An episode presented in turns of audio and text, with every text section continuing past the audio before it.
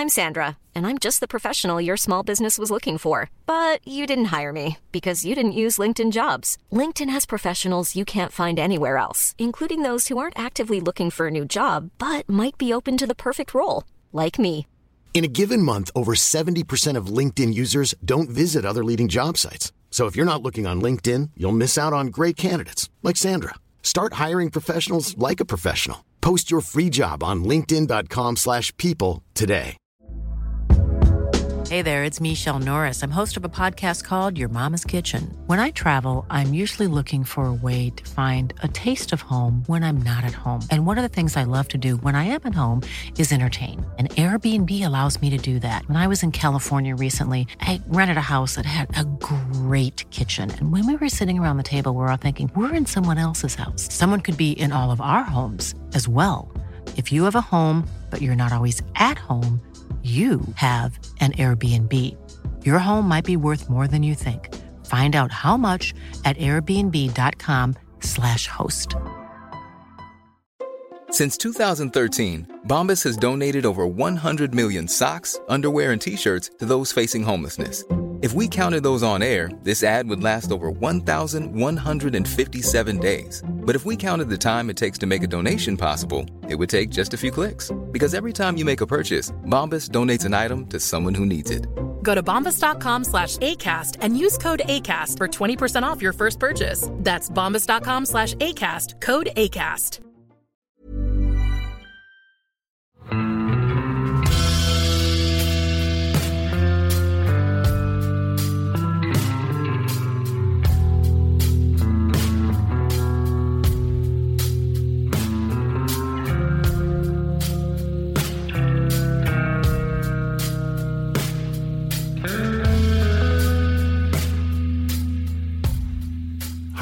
Og velkommen til podkasten Uteliv. Mitt navn er Randulf Valle, og med dette er vi i gang med et nytt år og en ny sesong av podkasten Uteliv. Jeg har planlagt en god del av vårsesongen, og har tatt opp noen av de episodene som skal komme videre, og tror vi kan se fram til i hvert fall 14 episoder utover vinter og vår. Den gangen her så sitter jeg mutters aleine foran eh, mikrofonen. Jeg tenker at eh, en sånn start, det gjør at man kanskje kan reflektere lite grann. Og jeg har jo tenkt at eh, i det siste, at i likhet med dere, så har jeg opplevd at det kan være vanskelig å legge planer nå. Jeg hadde planlagt noen turer som det ikke ble noe av. Men det er snø, og det er kaldt i Trondheim, og jeg har fått noen fine skiturer. Og i helga så prøvde jeg noe nytt, nemlig å lage en Quincy. Jeg tror det er sånn det uttales. Det er på en måte skogsversjonen av en iglo. I korte trekk så måker du sammen en stor haug med snø i kuppelform. Så må snøen få ligge i ro ei stund og sintre, altså danne bindinger, sånn at den ikke raser sammen når du graver inn. Og når du har venta ei stund, så kan du altså grave ut ei snøhule inn i den snøhaugen som du nå nettopp har skuffa sammen. Da hjelper det å stikke inn pinner på 30-40 cm fra utsida, sånn at du får en advarsel før du graver høl i veggen. Og det kan være lurt før du starter å måke sammen snøhaugen, å legge deg på bakken, sånn at du ser hvor stor haug du trenger. Og husk da på at du også trenger veggbredden i tillegg til kroppslengden. Jeg lagde den boligen her rett ved hytta, sånn at jeg kunne bruke den store snøskuffa til å måke snø. Ellers hadde det nok tatt ganske mye tid hvis man skulle måke sammen så mye snø bare med små turspader. Og vi måkte opp snøen på fredagskveld, grov ut snøhula på lørdag ettermiddag, og sov der til søndag. Vi var da jeg og jentene mine på fem og ni år. For dem som lurer på hva slags sovepose man bruker til barn på en sånn tur, så brukte dem et dobbelt sett, en barnepose inni med en vinterpose for voksne utapå, og det gikk rimelig greit. Etter siste episode før jul, hvor Stian Yttergård og Alexander Gamme ga sine boktips, så er det en del lyttere som har etterspurt mine boktips. Jeg tenker sånn i utgangspunktet så kommer de til å eh, komme på en måte som naturlige tips når det passer sånn med tematikken. Gjerne uten at jeg har planlagt det på forhånd òg, men eh, jeg skal i hvert fall kort nevne at eh, vi fant i hvert fall deler av historien om Donald Duck, Onkel Skrue og Firkantmysteriet, som var blant Aleksanders Gammes favoritter, blant svigerfar sine gamle Donald-blader. Men det er egentlig en annen bok jeg har lyst til å nevne, for i jula så leste jeg boka Momo, eller Kampen om tiden, av den tyske forfatteren Mikael Ende. Jeg leste den for jentene mine høyt, eh, dem er altså fem og ni. Det er ei flott bok om ei lita jente som har rømt fra et barnehjem og har bosatt seg på et gammelt amfiteater. Og den gjør at man tenker og setter litt spørsmål rundt måten vi lever våre liv på, noe som nok òg var hensikten med boka da den kom ut i 1973. Historien eh, går kort fortalt ut på at det er noen som stjeler menneskenes tid. Og paradokset er at når man jobber hardt for å spare tid, så får man ikke mer tid, men mindre. Kan det høres kjent ut? Det er i hvert fall sånn at når man forsøker å spare tid for framtida, så glemmer man lett å leve her og nå. Jeg skal ikke si så mye mer om handlinga. Eh, den er ganske Jeg vet ikke hva slags ord man skal bruke, men, eh, men eh, det, det, er en fin historie, og, og les den sjøl. Og budskapet kan altså være verdt å ta med seg. For det er kanskje ikke sånn at man får mest ut av livet med å putte mest mulig inn i det. Og når jeg snakker om tid, eh, så må jeg òg tilbake til boka av fysikeren Carlo Rovelli, som heter nettopp Tid. Det var Kjartan Trana som introduserte meg for boka da vi tok opp episoden om Børgefjell, livet og døden for omtrent et år siden. Det tok en stund før jeg skaffa meg boka, men jeg har kost meg veldig med den, uten at jeg skal påstå at jeg har forstått alt som står der. Etterpå så har boka fortsatt med å dukke opp, både i hodet mitt og i episodene. Den eh, bekrefta faktisk det Sinte-forsker Øystein Wiggen og jeg kom fram til da vi behandla hypotesen om at man har det varmere i soveposen om man har på seg mindre klær. En av teoriene som brukes for å underbygge denne litt snodige påstanden, er at man må ha på lite klær for at man skal kunne varme opp soveposen, sånn at den kan varme deg tilbake. Akkurat det er termodynamisk umulig, siden energi i form av varme kun kan bevege seg én retning, fra varme til kalde objekter. Og akkurat den loven her er ifølge Rovelli den eneste grunnleggende fysiske loven som sier noe om tid, fordi den har tydelige tilstander før og etter, og ikke kan reverseres. Men eh, det stoppa ikke med det her. Eh, boka fortsatte å prege podkasten Uteliv utover høsten i fjor, og noe av det som gjør boka svært lesverdig, er ikke bare at den eh, forklarer et sett med ganske kompliserte fysiske problemstillinger, men òg gir flere skråblikk på livet.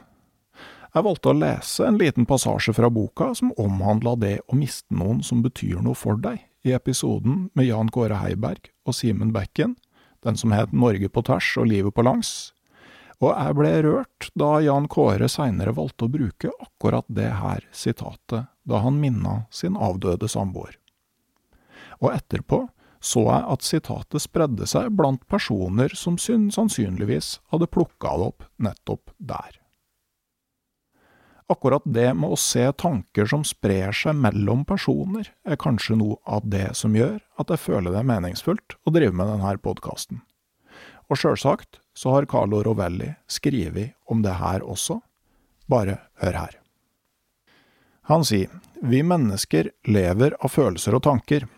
Disse deler vi med hverandre når vi er på samme sted og til samme tid, når vi snakker sammen, ser hverandre inn i øynene, streifer hverandres hud.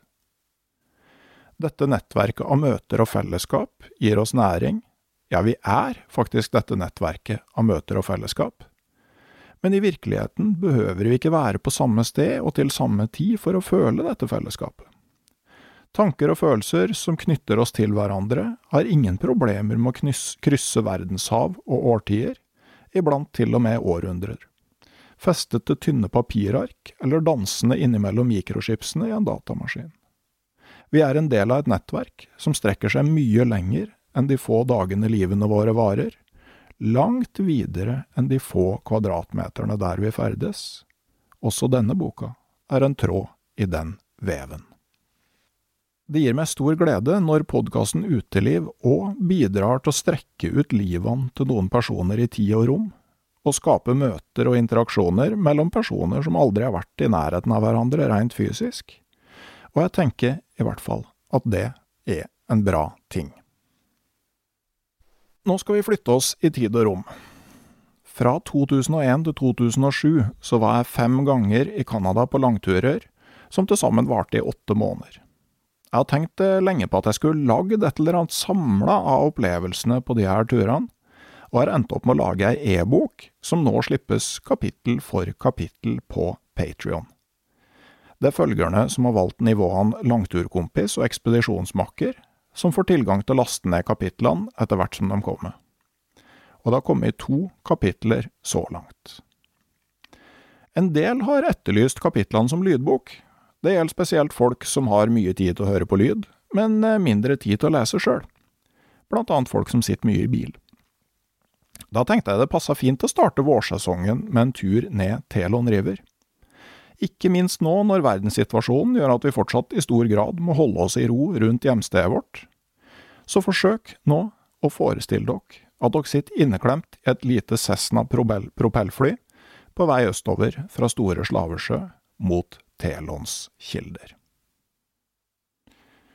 Velkommen til vestenden av Lynx. Ron fra Arctic Air snur seg mot oss etter landinga, og jeg puster letta ut etter et par timer klemt sammen i baksetet i et lite Cessna propellfly.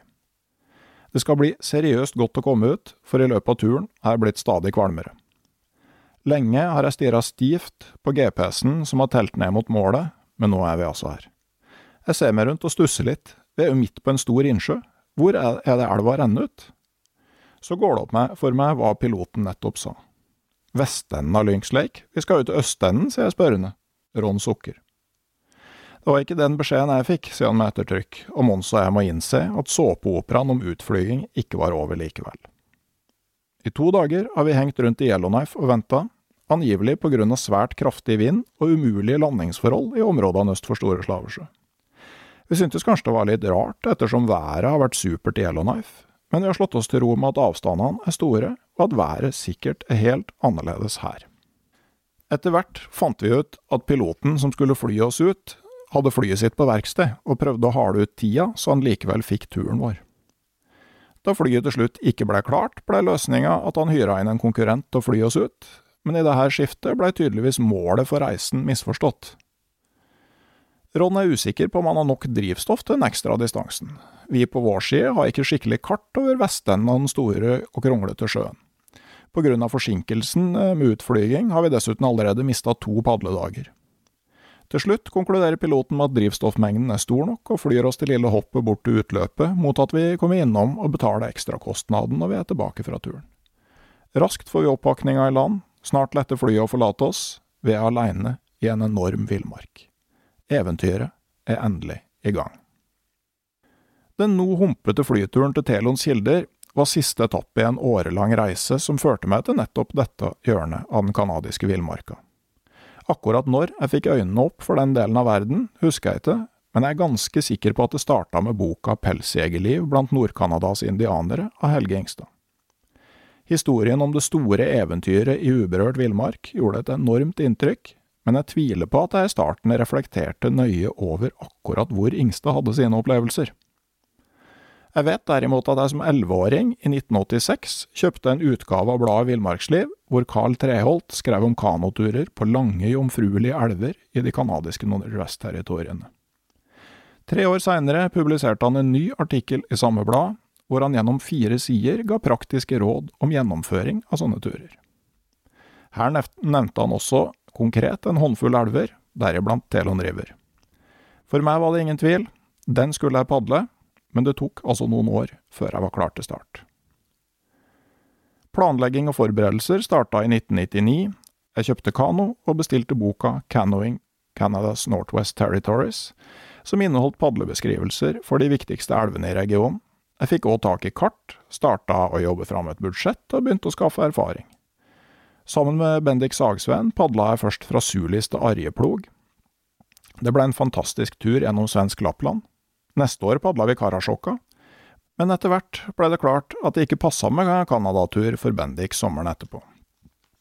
Ved juletider kom jeg i kontakt med Mons Grøvlen.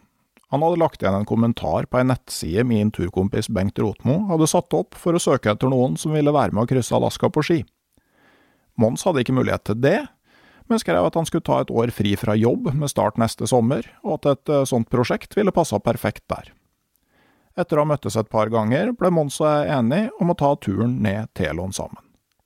Mons hadde aldri padla før, men mente at han i hvert fall burde lære noe i løpet av 100 mil. I løpet av vinteren har vi planlagt utstyr, mat og rutiner. Helt siden jeg hørte om denne villmarka, har jeg drømt om lange padleturer og forestilt meg hvordan det ville være. Nå er tida kommet for å se om virkeligheten svarer til forventningene. Tre deler. Turen ned Telon fra Lynx Lake til Baker Lake har tre naturlige etapper. Øverste del en blanding av rask elv og mindre sjøer. Den midtre delen av turen går gjennom viltreservatet Telon Game Sanctuary. Her er elva rolig og stilleflytende, og i den skjerma elvedalen klamrer granskogen seg fast, omringa av treløs og gold tundra. Siste etappe går over tre store sjøer ute på tundraen. Vi har lagd et tidsskjema som tilsier at vi skal bruke omtrent ti dager på hver av disse etappene, men vi ønsker å ha noen ekstra dager i reserve for turen over sjøen. Muligheten for å bli liggende værfast i vind er høyst reell der. Den første delen av turen vi veit minst om, Telon River møter Hanbury River rett før det stiller i midtpartiet gjennom Telon Game Sanctuary, og blant historiske oppdagere har Hanbury River vært den naturlige ferdselsåra østover til tundraen fra Store Slaversjø. Øvre Telon har derfor vært langt mindre brukt å beskrive. Når jeg tenker tilbake på de første dagene på denne turen, ned den øvre delen av Telon River, står de fortsatt for meg som nærmest perfekte. Jeg kan knapt huske å ha opplevd at ting har stemt så grunnleggende som på denne etappa. Elva er fortsatt relativt liten, og gir flott variasjon der den snirkler seg innom større og mindre sjøer, mens hastighet og omgivelser stadig endrer seg. Spesielt husker jeg partier hvor pistrete tundragran vokser rett opp av sandhaugene langs elva. I løpet av 20 år kan sjølsagt hukommelsen forgylle sånne minner i overkant mye, men nå når jeg blar i dagboka, ser jeg at den øvre delen av Telon virkelig gjorde inntrykk. De fleste dagene går etter omtrent samme mal. Opp tidlig og i gang med padlinga rundt ni, så veksler det mellom padling og fiskestopp før vi tar en lengre lunsjpause med bål. Så fortsetter forflytninga mot ettermiddag og kveld. Noen av strykene padler vi, andre kan vi fire med tau.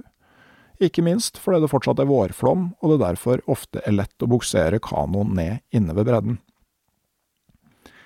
Vi så på det som viktig å kunne komme forbi bæringer på to runder, én runde med blytunge ryggsekker og én runde med kanoen og det siste utstyret. Underveis fant vi ut at det hadde vært praktisk med to mindre sekker vi kunne båret sammen med kanoen. For å få med all oppakning på to vendinger hadde vi kutta ganske hardt i både mat og utstyr. Bål skulle være varmekilde til matlaging, men vi hadde med to gassbokser og en lett gassbrenner som reserve for de verste regnværsdagene, uten at vi noen gang brukte denne muligheten. Når det gjaldt mat, hadde vi omtrent en halv kilo proviant per person daglig, med hovedvekt på karbohydrater. Bærebjelkene her var havregrøt til frokost, pasta eller potetmos til middagen, som generelt blei kjedelig om vi ikke fikk fisk. For variasjon hadde vi med noen poser med real turmat. Til lunsj spiste vi en blanding av søt frokostblanding, nøtter og tørka frukt. Vi hadde blanda den lunsjrasjonen rett i en stor, vanntett pakksekk, og kunne ta oss en kopp når det trengtes. Dessuten hadde vi daglig to små sjokolader hver for raskt energipåfyll. De dagene vi fyrte bål i lunsjen, så blei det gjerne til at vi stekte eller kokte fisk da òg, og fra tid til annen kunne det vanke en godbit som risgrøt eller pannekaker.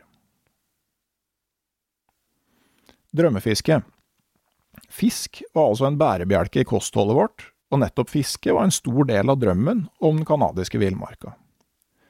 Dagboka fra Telon viser at fiskeopplevelsene var store og viktige. Øvre Telon hadde også fantastiske fiskeplasser.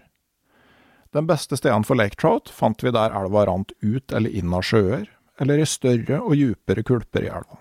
I glattstrømmene sto haren, og i stille partier lurte gjedda. Lake trout på 1, 2 og 3 kilo er dagligdags i dagboka, men vi hadde håp om å komme i kontakt med større fisk enn som så. Og idet vi navigerer ut av et belte med små øyer og holmer ved utløpet av en større sjø, åpenbarer et lovende sted seg. Sjekk strømmen der inne, roper jeg entusiastisk. Inni den bakevja må det stå fisk. Mons er enig, og vi traverserer kanoen over strømmen og inn til land. Jeg er førstemann klar med stanga, og sluken har knapt landa før den første sitter. Det er en lake trout som blir anslått til drøyt tre kilo. Jeg overlater fiskeplassen til Mons, mens jeg fileterer fangsten umiddelbart. Jeg er ikke ferdig med fiskerensking før Mons òg har falsk fisk. Den gangen her stopper vekta på 5,4 kilo, og med ett så er lederposisjonen min i konkurransen om største fisk en saga blått. Her må noe gjøres. Jeg tar plass ved bredden og legger et nytt kast ut i strømmen. Når sluken når skillet mellom hovedstrømmen og bakevja, smeller det på igjen, og den gangen her er det virkelig krefter i sving. Bremsa på ambassadøren strammes stadig, men likevel blir det stadig mindre snøre igjen på snella. Omsider får jeg snudd fisken, og sakte, men sikkert så kan den pumpes inn mot land. Den har jo rygg som en oksekalv, utbrøt Mons idet den bryter vannflata inn i bakevja. Men etter noen siste krampetrekninger blir storfisken dratt på land. Det viser seg å være en lake trout. Med sine 8,2 kilo blir den største fisk på turen, og rogna fyller hele steikepanna til lunsj. Fisken skjærer vi ned i fileter før vi fortsetter. På grunn av bjørn er det best å ta fiskerenskinga et annet sted enn der leiren etableres, Filetene pakker vi i en solid kartmappe med vanntett lukking. Bjørneland. Nettopp det å få ferdes i ei villmark med store rovdyr som bjørn og ulv, var noe vi både så fram til og var spent på. Ute på tundraen er det primært grizzlybjørn, men svartbjørn hører til i skogen. Vi tok vanlige forholdsregler, som å etablere bål og spiseplass minst 200 meter unna teltet, og oppbevarte ikke mat i teltet. Samtidig forsøkte vi å gjøre det til en vane å observere terrenget foran oss når vi gikk til fots, spesielt når vi hadde motvind. Ettersom dagene gikk, blei vi mer avslappa og kunne tidvis glemme at vi var i bjørneland. Men i løpet av vår første hviledag får vi en overraskelse akkurat idet jeg har ei fin gjedde på kroken. Plutselig en der.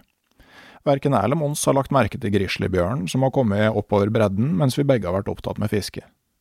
Nå er det bare 40 meter som skiller den fra oss, skal jeg finne kamera eller gevær? I løpet av et tidels sekund er vurderinga gjort. Gevær. Sakte rygger jeg bort til børsa. En sløgg og en riflepatron puttes inn i hvert sitt løp på kombivåpenet. Imens reiser bamsen seg på to for å få bedre oversikt. Den har vinden i ryggen, kan ikke lukte oss og forstår tydeligvis ikke hva vi er.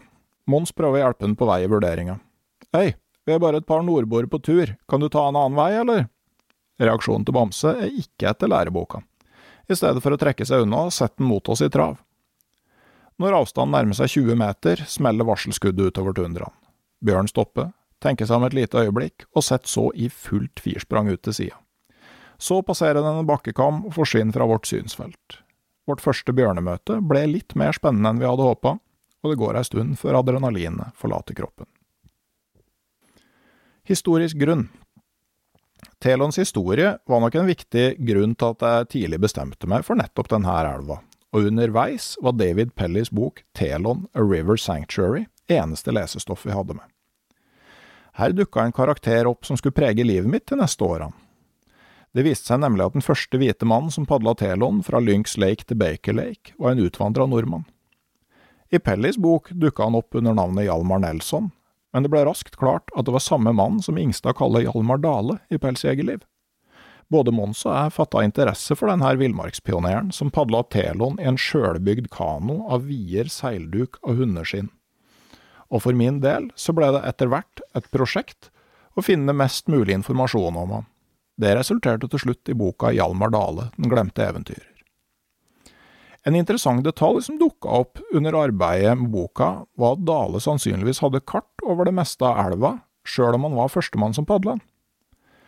Han hadde i alle fall fått, fått oversendt en rapport som JW Tyrell skrev i 1901 etter å ha kartlagt mye av Telon til fots. Det var kun de øverste ti milene fra Lynx Lake og nedover som mangla, og kartene var faktisk av svært god kvalitet. Framdrift 100 mil er ganske langt. Det er viktig å ikke tenke hele veien til mål når man er tidlig på turen, men prøve å fokusere på dagens etappe og på nære delmål.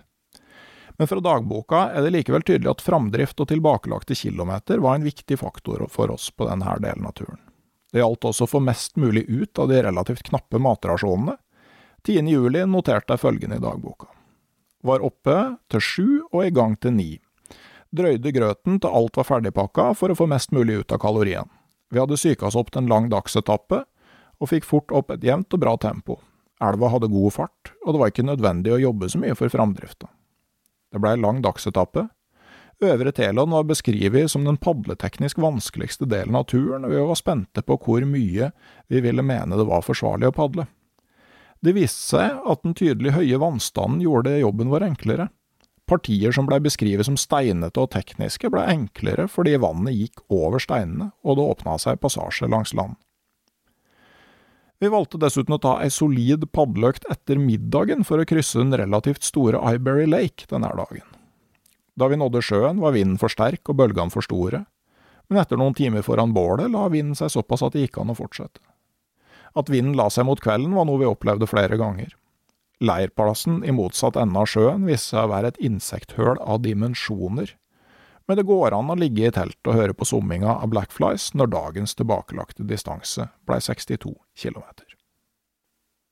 Bæring Rett før Telon møter Clark og så Hanbury River, renner et stykke gjennom en canyon. Dette var et område vi var spente på, og som vi på forhånd visste ville resultere i bæring men vi lurte på hvor langt vi faktisk måtte frakte kanoen over land, og hvor kronglete terrenget vi måtte bære gjennom var. Så langt på turen hadde vi generelt registrert at vi opplevde det som blei beskrevet som vanskelig terreng i padleguiden som rimelig greit når vi skulle ferdes gjennom det. Etter å ha padla en eh, del greie stryk, tok vi en tidlig lunsj med kornblanding først, og stekt lake trout etterpå. Så var det bare å sette i gang med bæringa. I dagboka antar jeg at den vil ta resten av kvelden. Neste notat bekrefta at det var litt optimistisk. Det tok resten av kvelden og litt til. Klokka er nå ti over to, og vi tar en whisky for å feire at vi er forbi. Trodde aldri det skulle ta slutt. Med kratt, skogholt og myrer blei det ekstra moro. Sekken på første vending må ha veid nesten 50 kilo. Det tok to timer, og etter vann og sjokolade dro vi opp igjen. Allien var like ufjampelig som alltid, og det gjør vondt overalt. Spiste litt kornblanding før vi la oss, det blåste kraftig under bæringa, men det holdt i hvert fall insektene borte. Trøtt nå. I morgen padler vi til Wardens Groove. Oasen på tundraen. Samløpet med Hanbury River markerer også et tydelig skille i naturen rundt elva. I noen mil herfra er Telon River omgitt av skog, sjøl om tregrensa i utgangspunktet går lenger mot sør. Området kalles ofte Oasen, og framstår som mye mer frodig enn omgivelsene. Her finnes tette klynger av ganske stor gran, og vegetasjonen er også påfallende frodig. Det er antagelig flere grunner til at skogen har holdt fast på den kila inne på tundraen. Det antas at eh, godt jordsmonn er en faktor. Dette kombineres med en mikroklimaeffekt i Elvedalen og høyere sommertemperaturer, delvis av fravær av større sjøer. Det er uansett snodig når man går til topps av skogskråninga og ser utover den treløse tundraen som ligger rundt. Et stort område rundt denne delen av Telon ble satt av som viltreservat allerede i 1927. Det ble primært gjort for å ta vare på bestanden av moskus, som skrumpa fort da skytevåpen ble tilgjengelig for urbefolkninga. Dyrene forsvarer seg ved å stille seg i sirkel med ansikt og horn vendt utover. Det er effektivt mot ulv, men det fungerer dårlig mot jegere med rifle. Området ble utvida i 1956.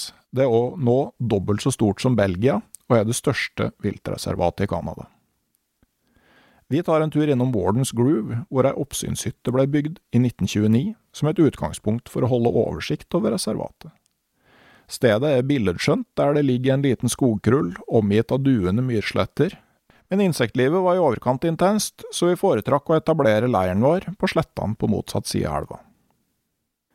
Dyredag å padle gjennom Telon Wildlife Sanctuary kan tidvis være som å padle gjennom en dyrehage. Likevel er enkelte dager mer rikholdige enn andre. En dag seint i juli viser villmarka seg fra godsida. Vi blir ikke engang ferdig med frokosten før det starter. En stor, mørkebrun ulldott kommer til syne i krattet på den andre sida av elva. moskus. Kikkert og telelinser kommer fram, og vi følger denne overlevningen fra istida, der den uforstyrra rusler bortover bredden, mens den innimellom smaker på gras og busker. Det blir ingen lang økt med padling før det blir mer action. To hvite flekker er på vei oppover nordre bredd. Gjennom kikkerten bekreftes mistanken om at det er snakk om ulv. Vi har vinden imot, og dermed er det godt håp om å komme inn på dyrene. Kursen legges mot bredden, og med kamera skuddklart hopper vi i land.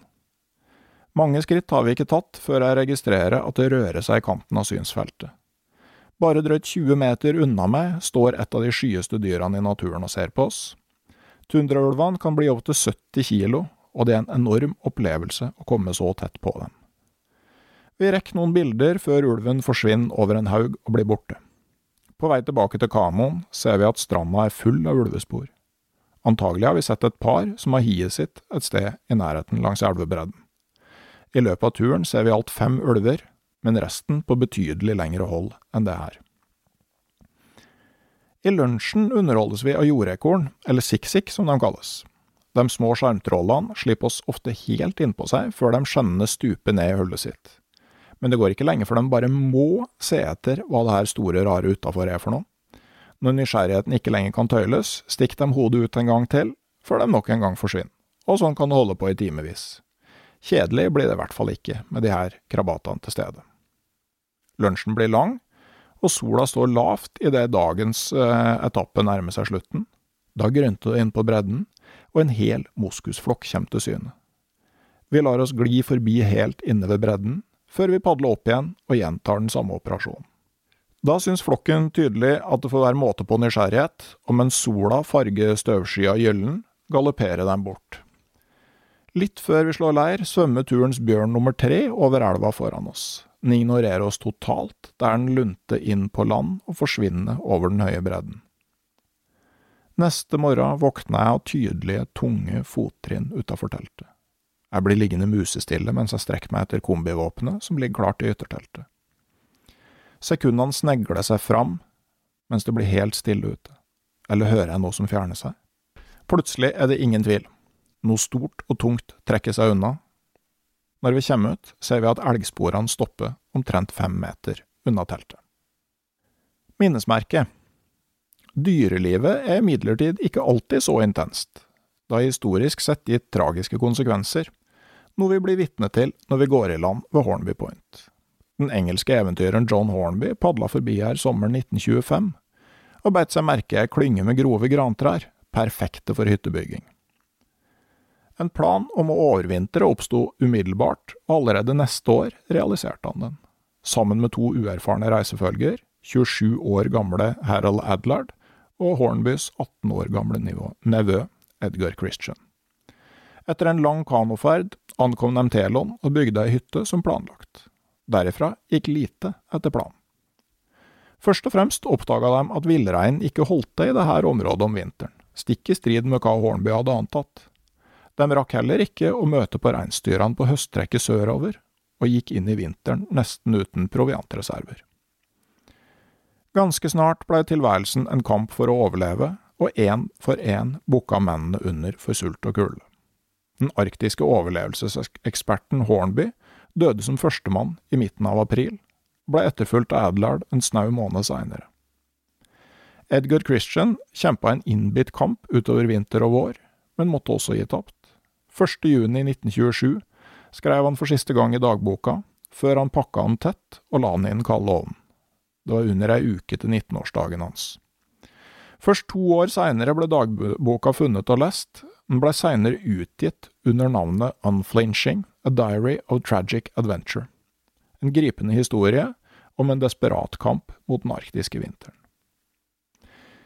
Vi tilbringer noen stillferdige minutter ved restene av hytta de bygde. I 2001 var fortsatt korsene som markerte gravene til de tre, i brukbar stand, og det sto igjen tydelige rester av hytta. Hvordan det ser ut der i dag, vet jeg ikke.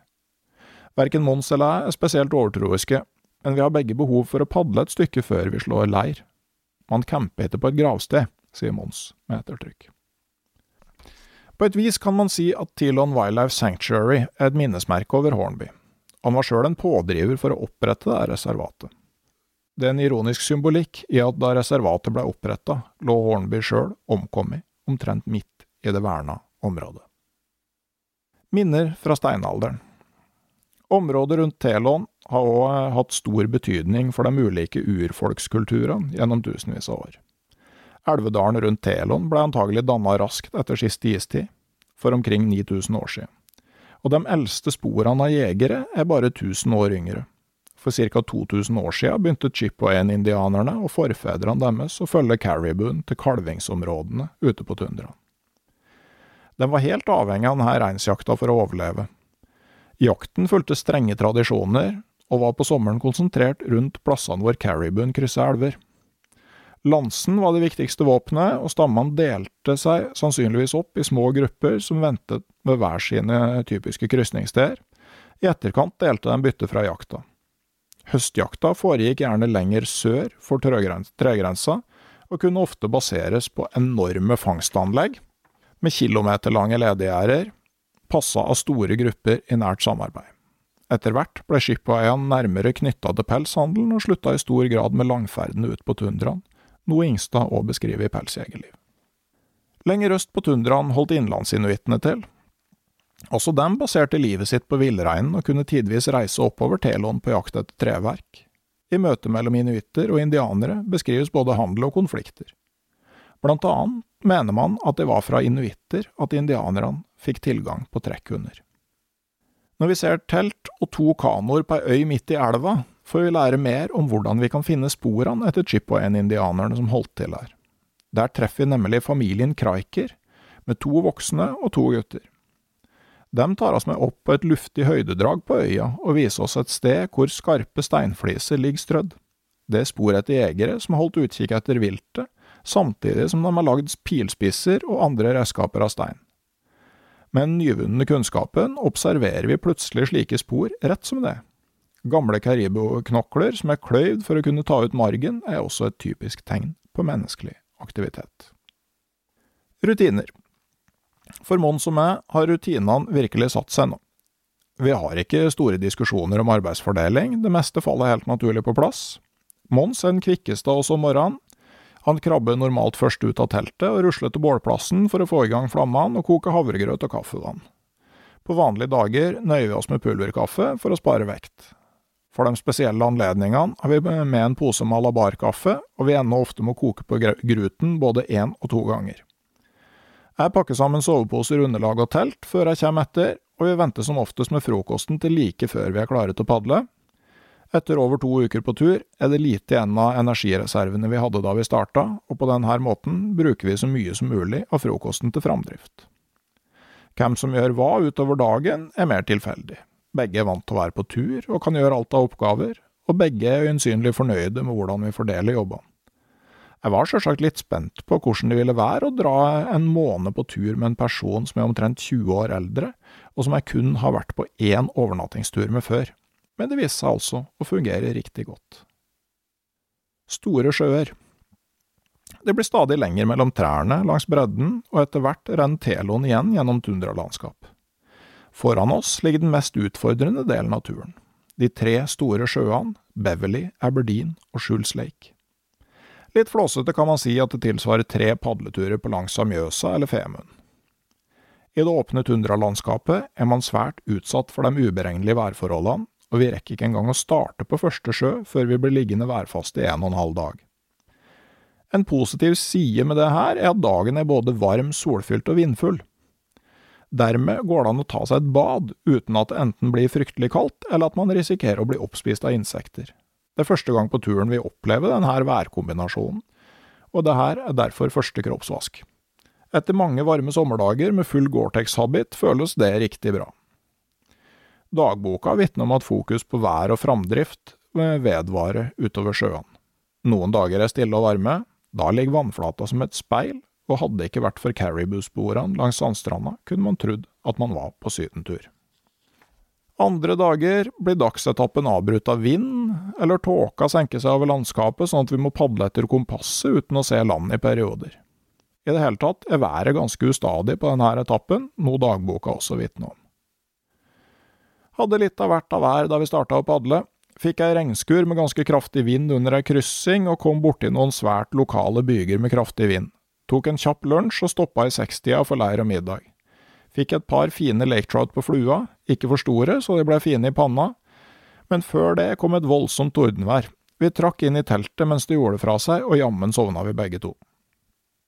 Det var klarere da vi stakk hodet ut igjen i halv åtte-tida. Først ble det ei dunge stekt lake trout-filet, og så var det klart for dobbel porsjon pannekaker og ordentlig kaffe. Rett før kaffen var ferdig, kom så klart ei sinnssyk regnskur. Pannekakene ble våte og fulle av grus, og kaffebålet lå plutselig i en vanndam. Dermed var det bare å vente til det ga seg, og begynne på nytt med kaffebålet. Vi treffer òg to andre grupper av padlere i løpet av turen over sjøen. Et par fra Alaska, og fire ungdommer fra Yellowknife som har starta hjemmefra og skal til Baker Lake. Gammel kultur Utover på Aberdeen Lake blir tilgangen til brensel stadig dårligere. Vi har tatt med et par skikkelige kubber av noen tørrgraner i båten. Lageret holder til morgen- og kveldsbål, men skal det bli te i lunsjen, så må veden til det sankes der og da. Det blir stadig mer vanskelig, ettersom landskapet blir goldere. Stort sett fyrer vi på en blanding av kreklinglyng og dvergbjørk. Det er nødvendig med store mengder for å få kokt tevannet. Løsningen blir å ta av seg jakka og sanke ved i den. Den rå dvergbjørka må legges på kvist for kvist, mens vi blåser kontinuerlig på bålet. Her må det virkelig jobbes for tekoppene, som i prosessen får en kraftig røyksmak vi faktisk kommer til å savne når vi vender hjem. Finner vi noen pinner med tørr drivved, så er det den reineste skatten. Her og der ser vi gamle bålplasser bygd av stein, samt steinringer som har vært brukt til forankring av telt. Sammen med knuste reinsknokler vitner det om innlandsinuittene som har holdt det i området. Det er kanskje den mest imponerende urfolkskulturen i Canada. De hadde ikke annen ved enn det sparsommelige krattet som vi altså har sett hvor mye man trenger for å få kokt litt vann, i motsetning til inuittene som levde ved kysten, hadde de heller ikke tilgang til fett fra sjøpattedyr som brensel. Dermed kunne det gå mange dager mellom hver gang de gjorde opp varme i vinterhalvåret. De her menneskene var helt avhengige av caribouen. Det var deres viktigste mat, og de trengte også skinnene for å lage de varme klærne, som var en nøkkel til overlevelse vinterstid uten varmekilder i igloen. Tilgang til fett var svært viktig for å få nok energi om vinteren. Høstjakta på velfødde dyr i godt hold var derfor av stor betydning. Akkurat når det gjelder fettet, har vi bomma kraftig i provianteringa. Vi har kun med en liter matolje for steiking. Ellers er sjokoladen egentlig eneste fettkilde av betydning. Kroppen min sier fra om hva han trenger på en interessant måte. Normalt så er jeg ikke så veldig glad i valnøtter, men nå er plutselig de feite nøttene i frokostblandinga knallgode.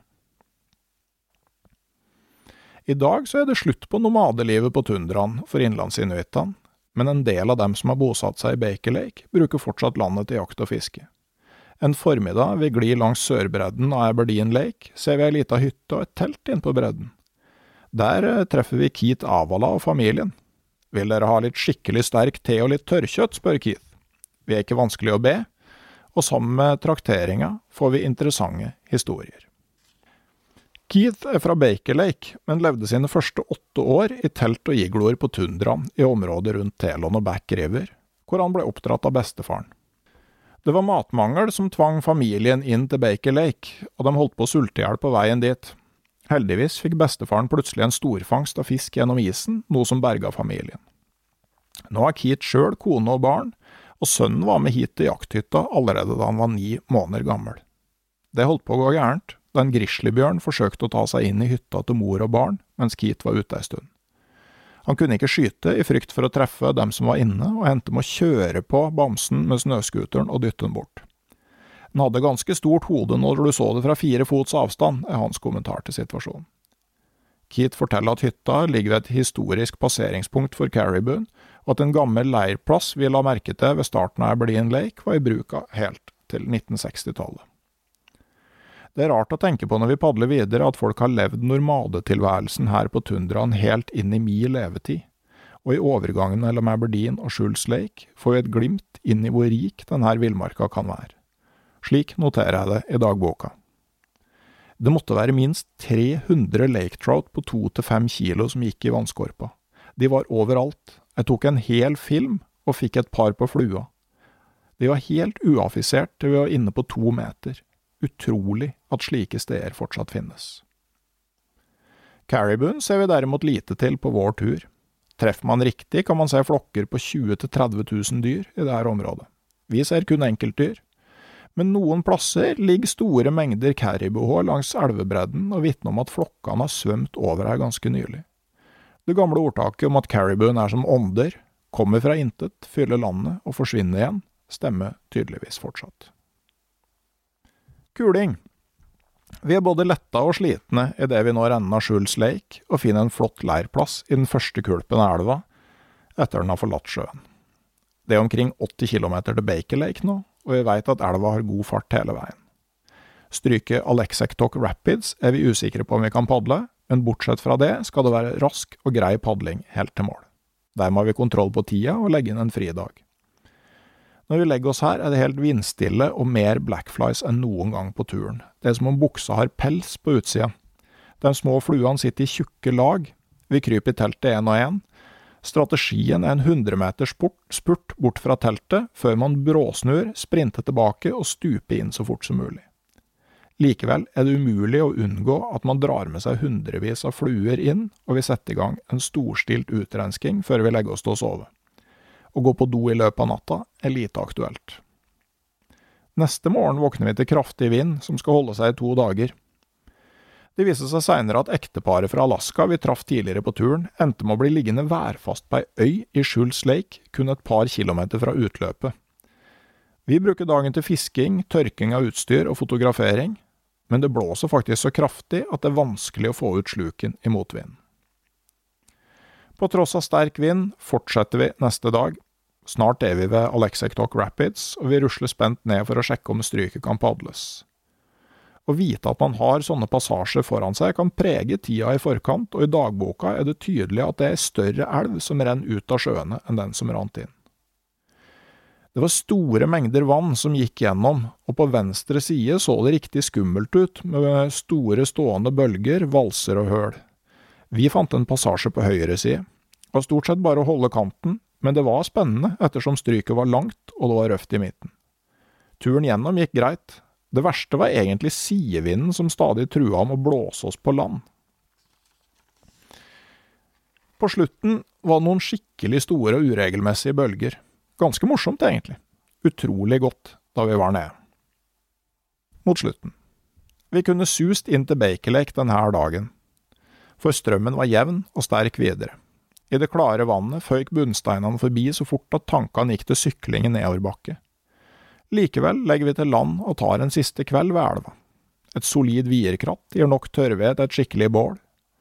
Også neste dag må vi ta det ganske rolig, for vi ønsker ikke å ligge altfor lenge i Baker Lake og vente på flyet.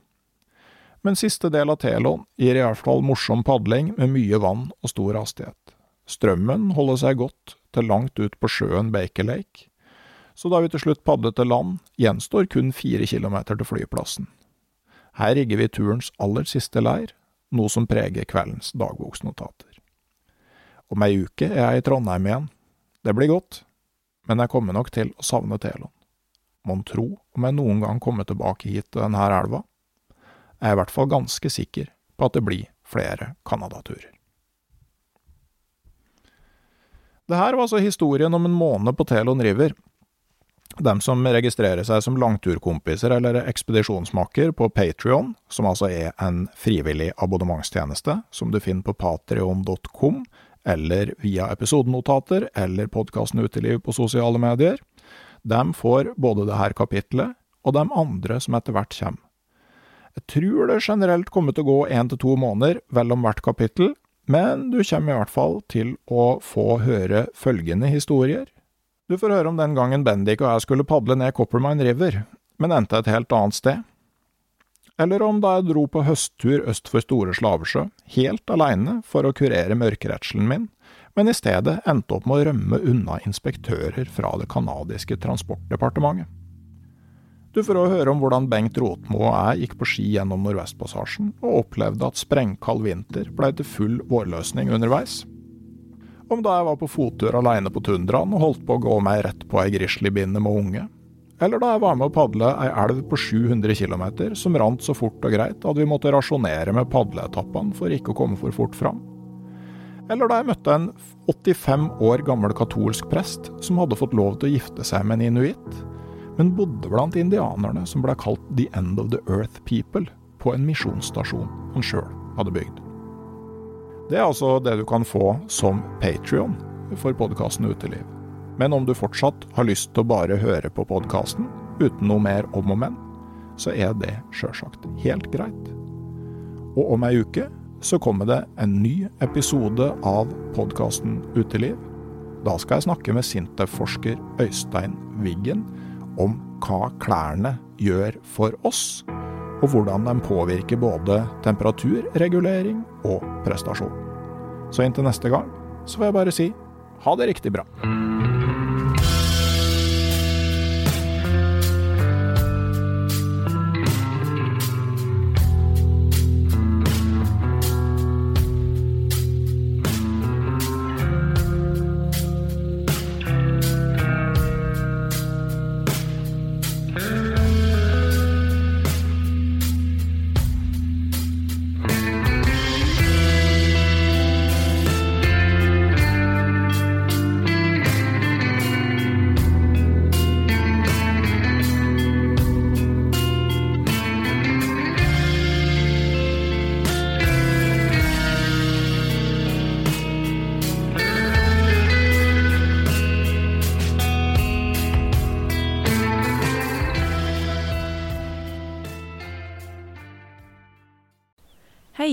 Jeg heter Nore Helligsen og er daglig leder i Barents Outdoor. Det beste vi kan gjøre for planeten, er å redusere forbruket vårt og få mer ut av det utstyret vi allerede har. Men vi vet av erfaring at bruken av telt kan endre seg over tid. Det teltet du kjøpte for to år siden, passer kanskje ikke det behovet du har i dag. Derfor har vi i Barents etablert en egen panteordning der vi tar imot brukte telt av god kvalitet, i innbytte når du kjøper et nytt av oss. Prosessen er enkel. På barentsoutdoor.no gir det oss informasjon om teltet du vil bytte inn. Basert på det får du et tilbud fra oss som gir deg rabatt på ditt neste Barents-produkt. Mer info og betingelser finner du på barentsoutdoor.no. Og husk at den første reparasjonen på produkter fra Barents er alltid gratis.